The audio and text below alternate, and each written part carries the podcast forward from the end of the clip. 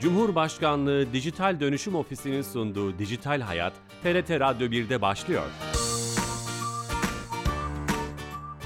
Herkese merhaba, ben Bilal Eren. Teknoloji ve dijitalleşmenin hayatlarımızı etkilerini her hafta bir başka konuyla ele aldığımız Dijital Hayat programımıza hoş geldiniz.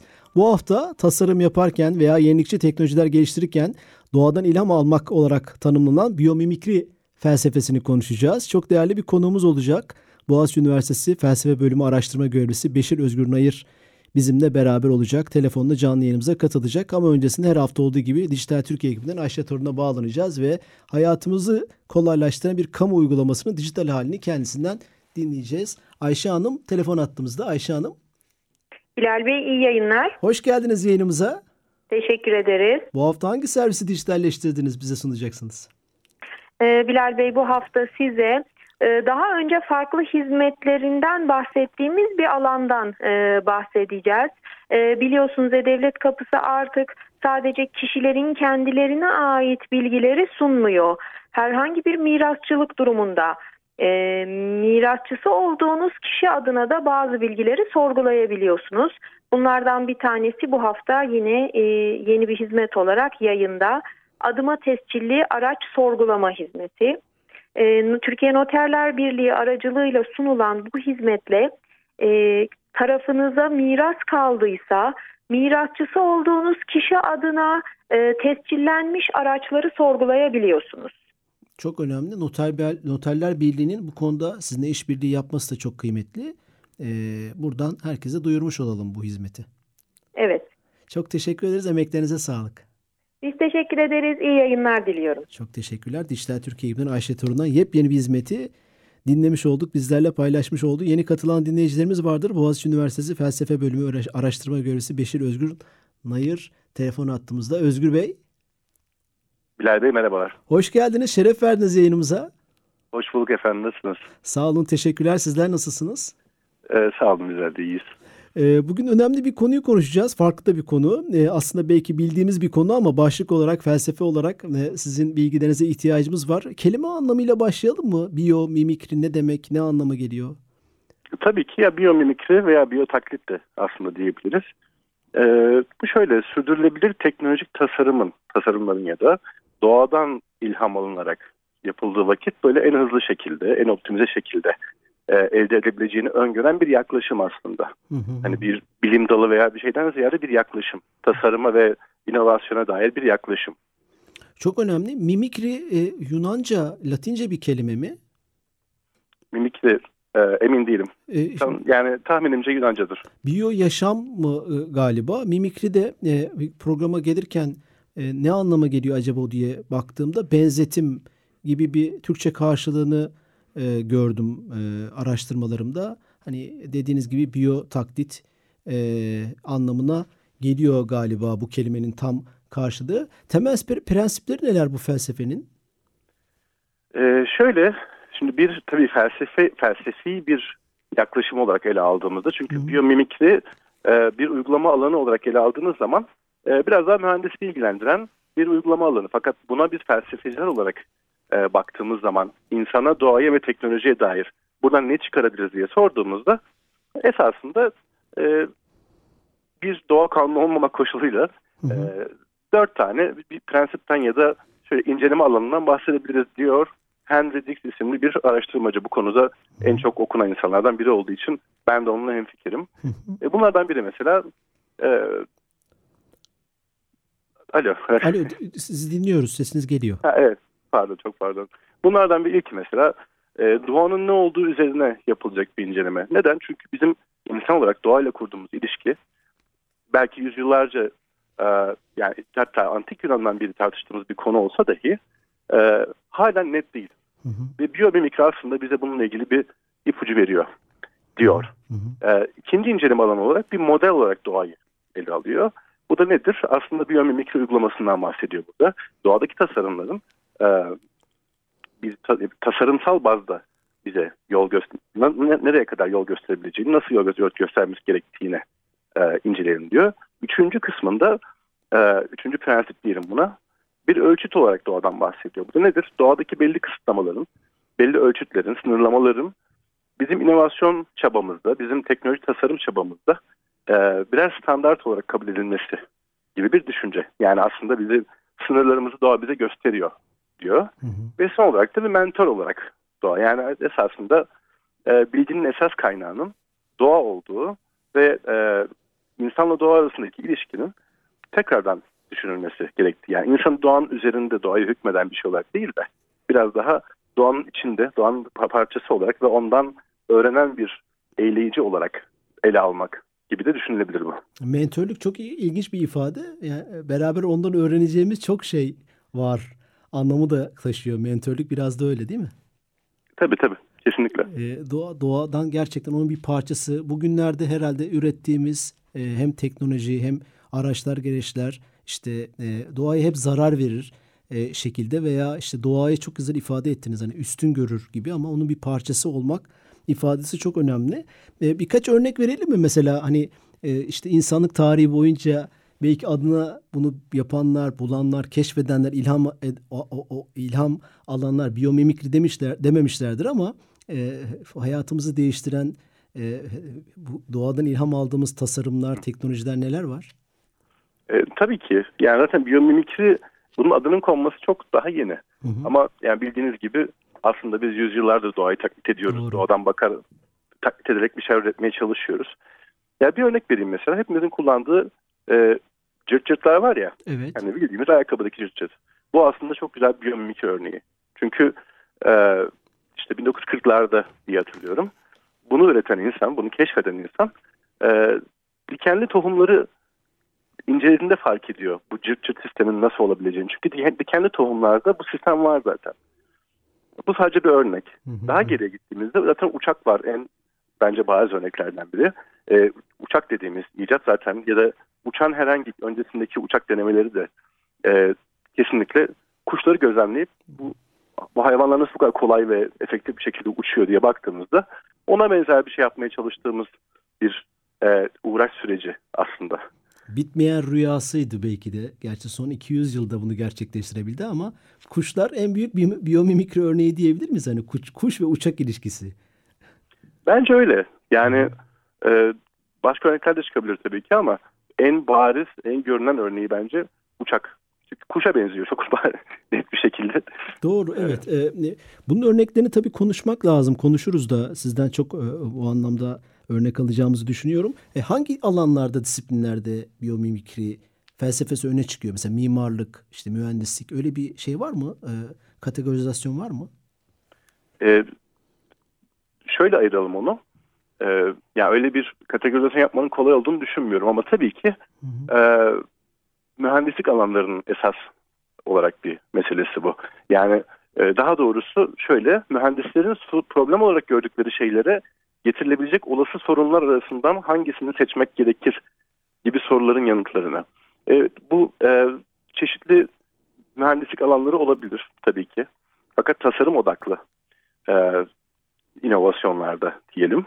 Biyomimikri daha çok önde çıkıyor. Felsefi kısmı ama yani uygulama kısmı bu. Felsefi kısmına baktığımızda felsefe içinde de e, teknoloji felsefecilerinin e, veya işte sosyal sorumlu bilim ve inovasyonla ilgilenen felsefecilerin ilgisini çeken bir alana dönüşüyor şu an. Siz daha çok felsefe tarafına bakıyorsunuz sanırım. E, biyomimik ben O oradan baktığınızda uygulamalardan çok ne gözüküyor, e, ne görülüyor? Mesela şey dediniz, deneyim ve sürdürülebilirlik e, kısmı. Hani hem deneyim al hem de o işte e, herhangi bir yapılan tasarımın veya e, sürecin sürdürülebilir kılınması için de doğadan ilham almak. Felsefe ne diyor bu konuda? E, tabii ki ya şöyle felsefeci gözünden baktığımızda şunu görüyoruz ki bu aslında çok farklı değil. Bir mühendis de baktığında bence bunu görür. Orada e, aynı noktadan bakabiliriz diye düşünüyorum. E, uzun yıllardır süre gelen devasa bir deneyler bütünü var elimizde. Hı hı. Bir yüz, yüz binlerce yıldır süre gelen ve başta evrimsel biyoloji olmak üzere bir sürü bilimin çeşitli dallarının bize aslında açıklayabildiği ve sürekli zaman içinde de daha da iyi açıklamaya çalıştığı bir tarih var. E, neden sürdürülebilirlik dedik burada? Çünkü sürdürülebilir tasarım elde etmek için çok çalışmak gerekiyor şu an. E, bu çalışmayı bazı alanlarda, bazı şekillerde diyor ki biyomimikri bu çalışmayı doğa yapıyor ve yüz binlerce yıldır yapıyor. Yani Doğru. öyle bir elde deney var ki, devasa bir deney var ki. E, dolayısıyla bir felsefeci olarak baktığımda da ben doğayı nasıl anladığımıza dair çok büyük bir şey söylüyor diye düşünüyorum. Doğayı ve insanın e, doğayla olan ilişkisini bahsettiğimiz gibi öncesinde. E, dolayısıyla teknolojinin teknolojiyle insan ilişkisini yani insanın teknoloji uğraşının ne anlama geldiği ve doğayla olan ilişkisinde nasıl bir rol oynadığına dair e, çok önemli bir noktada durduğunu düşünüyorum ben bu konunun. Hı hı. Felsefeciler bu konuda bayağı e, bu, bu, bu felsefe alanında ciddi bir konu mudur? Hani üstüne düşünülen, e, tartışılan, kitaplar yazılan bir konu mudur? E, biyomimikinin kendisi değil. E, ciddi alınıyor tabii ki. Fakat böyle binlerce insan tarafından değil. Belli başlı yeni yeni ortaya çıktı daha doğrusu. Örnek vermek gerekirse işte e, 2020 senesinde başlayan bir proje vardı. E, Avrupa Birliği projesi ve işte Avrupa Araştırma Komisyonu tarafından desteklenen bu projede mesela çok büyük meblalar bu araştırmaya aktarılmıştı. Hı hı. Ve bu projenin odağında biyomimikri vardı. Ve esas başlıklarından biri de biyomimikri felsefesiydi. Tabii ki uygulaması var, e, daha efektif uygulama yollarını nasıl araştıracaklarına da bakıyorlar. Fakat felsefi kısmı yeni başlıyor öyle söyleyeyim. Ne çıktı mesela o bu araştırmadan veya bu e, organizasyonun çıktıları belli mi? Siz takip ediyorsunuz belli ki. Henüz değil. Ya bu bahsettiğim proje büyük bir proje. Proje hala var. Ve işte e, şu an itibariyle bitmiş bir proje değil. Fakat literatürde şu an eğer ilgilenen insanlar varsa tabii ki araştırabilirler. E, belli başlı makaleler var. Ve bu makaleler şu an bir felsefeci gözünden biyomimikriyi nasıl anlayacağımızı, demin bahsettiğim şeyleri tartışıyorlar aslında. Daha kuruluş aşamasında gibi duruyor felsefi kısmı işin. Yani ne kadar bu çok eski bir e, mesele olsa da adı yeni konmuş bir felsefi e, uğraş alanı diyelim. Biraz önceki konuşmanızda şeyden bahsettiniz. Hani doğanın taklit edilmesi ve işte doğanın gözlemlenmesi. Bugün özellikle pandemi sürecinde de e, doğanın kendini yenileme süreci var. Problemlere karşı ürettiği çözümler ister canlıların olsun ister doğal olaylarıyla çeşitli çevresel faktörlerin olsun. Buradan da ilham alıp bizim hani e, var olan problemlerimizi çözmek mümkün olabilir mi? Bence kesinlikle olabilir. Ama ne tarz bir ilham? Ee, tabii ki ben bir mesela doğal afetlerden veya başka meselelerden doğanın kendi kendini tolere etme e, mekanizmalarından bahsedecek yetkinlikte değilim o alanlarda yetkin olmadığım için. Fakat şöyle bakıyorum olaya ben. E, biyomimikri şunu da verebilir bize. Hani sadece bakıp taklit etmekten ziyade e, bakıp anlama ve kabul etme. Örnek veriyorum. Deprem bölgesinde yaşıyoruz biz. ve bunu kabul etmiş gibi yaşamıyoruz. Yaşamıyoruz evet. Kesinlikle yaşamıyoruz. Ve e, bu çok enteresan ve hepimiz böyle bekliyoruz değil mi? Aslında biyomimikri felsefesi şunu da söyleyebilir doğadan öğrenip buna göre hayatımızı kurmak zorundayız. Yaşayan şehirler var sanki. Bunu ilham alan şehirler e, var sanki. Yani kesinlikle, e, kesinlikle var. Belki Japonya buna güzel bir örnek olabilir. Bu kabullenilmiş bir durum ve buna göre tasarımlarını, e, şehirlerini inşa etme konusunda acı tecrübeler de var mutlaka. Hiç yok da demeyelim galiba. evet, evet. Öyle yok, denebilir. Yok, tabii ki var. Ben e, aklıma burası geldi. Bir İstanbul depremi beklendiği için şu an. Ama tabii ki dünyada bu konuda çok daha dikkatli olan şehirler, Tokyo örneği verdiniz mesela, e, mevcut. Umarım bir gün bütün şehirler böyle olacak. Umarım. Bu çok önemli bir konu. Felsefe bir, bir, biraz da buraya da buradan bakmayı da gerektiriyor sanırım. Yeni katılan dinleyicilerimiz vardır. Boğaziçi Üniversitesi Felsefe Bölümü Araştırma Görevlisi Beşir Özgür Nayır'la e, biyomimikri felsefesini e, uygulamalarını, örneklerini konuşmaya çalışıyoruz. Anlamaya çalışıyoruz. Sizin bir yazınız var. O yazıda ilginç bir örneğiniz var. E, onu okuma şansı oldu programdan önce. E, yalı çapkını kuşu örneğini vermişsiniz, gagasını. Bu örnek nedir? Sizden dinlemek isteriz.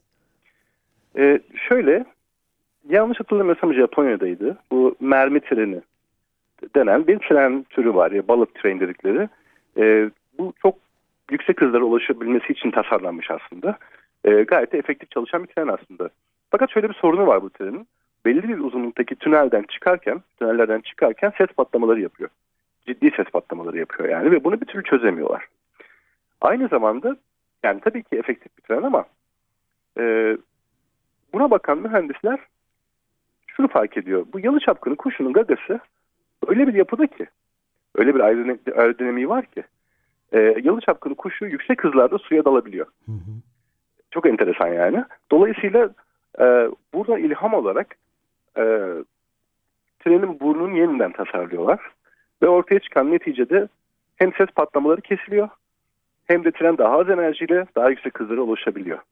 Ya bu da mesela biyomimikrin güzel bir uygulaması. Yani bir mühendisin bunu görmüş olması ve e, bu tasarımı buraya uygulayabileceğini, ya tıpkı e, yalı çapkını kuşunun suya daldığı gibi trenin de havaya daldığını düşünürsek görmüş olması gayet etkileyici bence. Burada evet çok etkileyici. Bu, bu mühendisin ya bunun e, çözümü doğada vardır. Doğaya bakmak lazım. Bir ekip mi dedi bunu bir kişi mi dedi bilmiyorum. O hikaye de çok ilginç. O onunla yani birisi bakmış olması lazım. Doğada bunun bir çözümü vardır. İşte aslında herhalde çalışmalarımızda doğayı ilham almak bu demek olur herhalde. Evet kesinlikle. Bu da aslında şunu da gösteriyor. Ee, interdisipliner çalışmak her daim ve farklı yerlere bakmak. Çünkü bunu görmek lazım. Bir, bir insanın bunu görmüş olması lazım dediğiniz gibi. Ee, bu tasarımı fark etmiş olması lazım. Ee, bu olası tasarımı diyelim. Bu ilhamı ya da. Ee, bu da aslında evet yani meraklı ve e, gerçekten incelemeyi seven, araştırmayı seven çok yönlü insanlardır diye tahmin ediyorum ben. Acaba bu eğitimin içinde koyulabilecek bir şey mi? Bir mühendis e, e, veya bir mimar mezun olurken acaba bunun derslerini veya eğitimini, müfredatını almalı mı? Bu farkındalığı nasıl sizce hani bir üniversitede bir araştırma görevlisi olarak nasıl verilebilir? E, eğitimciler bunu nasıl verebilir sizce veya nasıl alınabilir? bence kesinlikle yapılabilir bu. E, şöyle şu an yapılan yerler belki vardır. Ben bilmiyorum. Hı hı. Bildiğim kadarıyla çok da duymadım açıkçası. E, Türkiye'den bahsediyorum tabii. Şeyde e, gerçi Avrupa'da ve Amerika'da da e, çok sıkı bir şekilde bu tarz şeylerin takip edildiğini ben emin değilim. Ama bence kesinlikle yapılmalı ve yapılabilir. Tamamen bu da eğitimin yine çok yönleşmesi ve aslında insanların etraflarına bakmaya başlamasıyla alakalı bir şey bence. Yani doğada yürürken siz etrafını seyrettiğinizde belki de onlarca ilham var ortada. Ee, biraz tabii inovasyon bazında konuşuyorum bunu. İnovatif bir insansanız eğer bir tasarımcıysanız vesaire. Ee, çok fazla ilham olduğunu düşünüyorum ben zaten. O zaman şöyle diyebilir miyiz buradan şu çıkabilir mi? Özellikle mühendis disip, mühendislik disiplini içindeki eğitim öğretim süreçlerine mutlaka biyomimikri e, şeyini içeriğini koymak lazım bu konuda. Öyle bir çıktısı olabilir belki bu sohbetimizin. Evet bence kesinlikle faydası dokunacak. Hiçbir zararda dokunmayacak bir e, tavsiye olur o. E, ve bunun yanında da e, zaten bir mühendis bir mühendisin bence e, kesinlikle insanla doğa arasındaki ilişkiyi e, tartan bu konuda e, bakış ve görüş sahibi bir insan olması gerekir. Dolayısıyla bu da e, bu açıdan da çok büyük faydası olacağını düşünüyorum ben. Örneklerle biraz daha böyle dinleyicilerimizin kafasını açmak çok kıymetli diye düşünüyorum. Bu e, e, hızlı tren örneğinden başka bir örnek daha vermişsiniz. E, yaygın olarak kullanılan güneş panelleri de biyomimikri için verilen çarpıcı örnekler arasında yer alıyor. Bunu nasıl açıklarız? E, tabii. E, sırf güneş panelleri de değil hatta. Şimdi e, bildiğim kadarıyla yine bilimci olmadığım için e, bu konuda e, sürçülisan edebilirim. Önden söyleyeyim onu.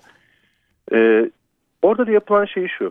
Fotosentez sürecine dair ve işte fotosentez yapan e, bitki hücrelerine dair yapılan incelemelerde ve yine aslında yapraklara, yaprakların yapısına dair yapılan incelemelerde e, bunun için bir ilham çıkıyor. Ve aslında güneş hücreleri de, güneş pilleri de hı hı. E, bu, bu ilhamla çok daha verimli bir şekilde geliştirilebiliyor şu an. Ve hatta şu an geliştirmeye devam ediliyor. Hatta bir şey daha ekleyeyim üzerine. E, şimdi fotosentez süreciyle ilgili başka bir nokta var elimizde. Karbondioksit. Şimdi karbondioksit bizim problemimiz. Hı hı. Karbondioksit daha az salmaya çalışıyoruz. Eğer çalışıyorsak yani. E, karbondioksit salınımını azaltmaya çalışıyoruz. E, bunu başarabilen bir bir sürü canlı var zaten. Bitkilerden bahsediyorum. Ve mesela şu an bu yine e, bunun yapıldığını biliyorum ben. E, bilim insanları e, yine buradan ilham alarak yani fotosentez sürecinde karbondioksitin e, ne şekilde sentezlendiğini e, incele, incelemek yoluyla e, çok daha düşük karbon salınımlı işte atıyorum çimento, beton olsun ya da işte dönüştürülebilir plastik e, olsun üretiminin şu an mümkün olduğunu ve bunun üzerine çalışıldığını da e, biliyorum. Örnekler de çok kıymetli. Ee, mesela programdan önce gene bakarken termit yuvalarının klima sistemleri için sonar, e, radar gibi şeylerin Yunus ve Yarasa'dan ilham alındığında okumuş oldum. Siz de teyit eder misiniz? Tabii tabii bildiğim kadarıyla e, yani dediğim gibi çok detay bilmemekle beraber bilhassa sonar sistemlerin, e, radar sistemlerinin oradan ilham alındığını ben de okumuştum söylüyorum. Bu, bu konuda e, sizin mutlaka çalışmalarınız vardır. Bir tavsiye edeceğiniz mutlaka kitap, film, belgesel var mı dinleyicilerimiz için? E, şöyle e, belgesel hiç görmedim ama vardır eminim vardır. O benim eksikliğim. E, kitaptan ziyade makaleler önerebilirim. Birkaç Ee, tane alabiliriz. Son 30 saniyemiz kaldı. Ha, tabii ki. Hemen size o zaman şöyle bir makale önereyim. The Philosophy of Biomimicry. Tabii ki İngilizce bu. Onu yani Türkçesi çünkü ne yazık ki yok. Yani benim yazdığım bir şey var. O da makale değil. Ee, Biyomimikri felsefesi adında bir Henry Dick'e ait bir makale. Yine Towards a Deeper Philosophy of Biomimicry adında e, Matthews isimli bir araştırmacıya ait başka bir makaleyi önerebilirim herkese. Herkese tavsiye edelim. Ee, çok teşekkür ederiz bu önemli konuda e, bilgilerinizi bizimle paylaştınız. Çok ben teşekkür ederim. Çok sağ olun konuk ettiğiniz için. Sağ olun, teşekkürler. Boğaziçi Üniversitesi Felsefe Bölümü Araştırma Görevlisi Beşir Özgür Nayır'la biyomimikri felsefesini konuşmaya çalıştık. Bu konuda her disiplinin e, öğrenebileceği çok şey olduğunu konuştuk örneklerle. Haftaya yeni bir konu ve konukla beraber olacağız. Bu programımızın kaydını yarın itibaren YouTube ve podcast kanallarımızda bulabilirsiniz. İyi hafta sonları. Hoşçakalın.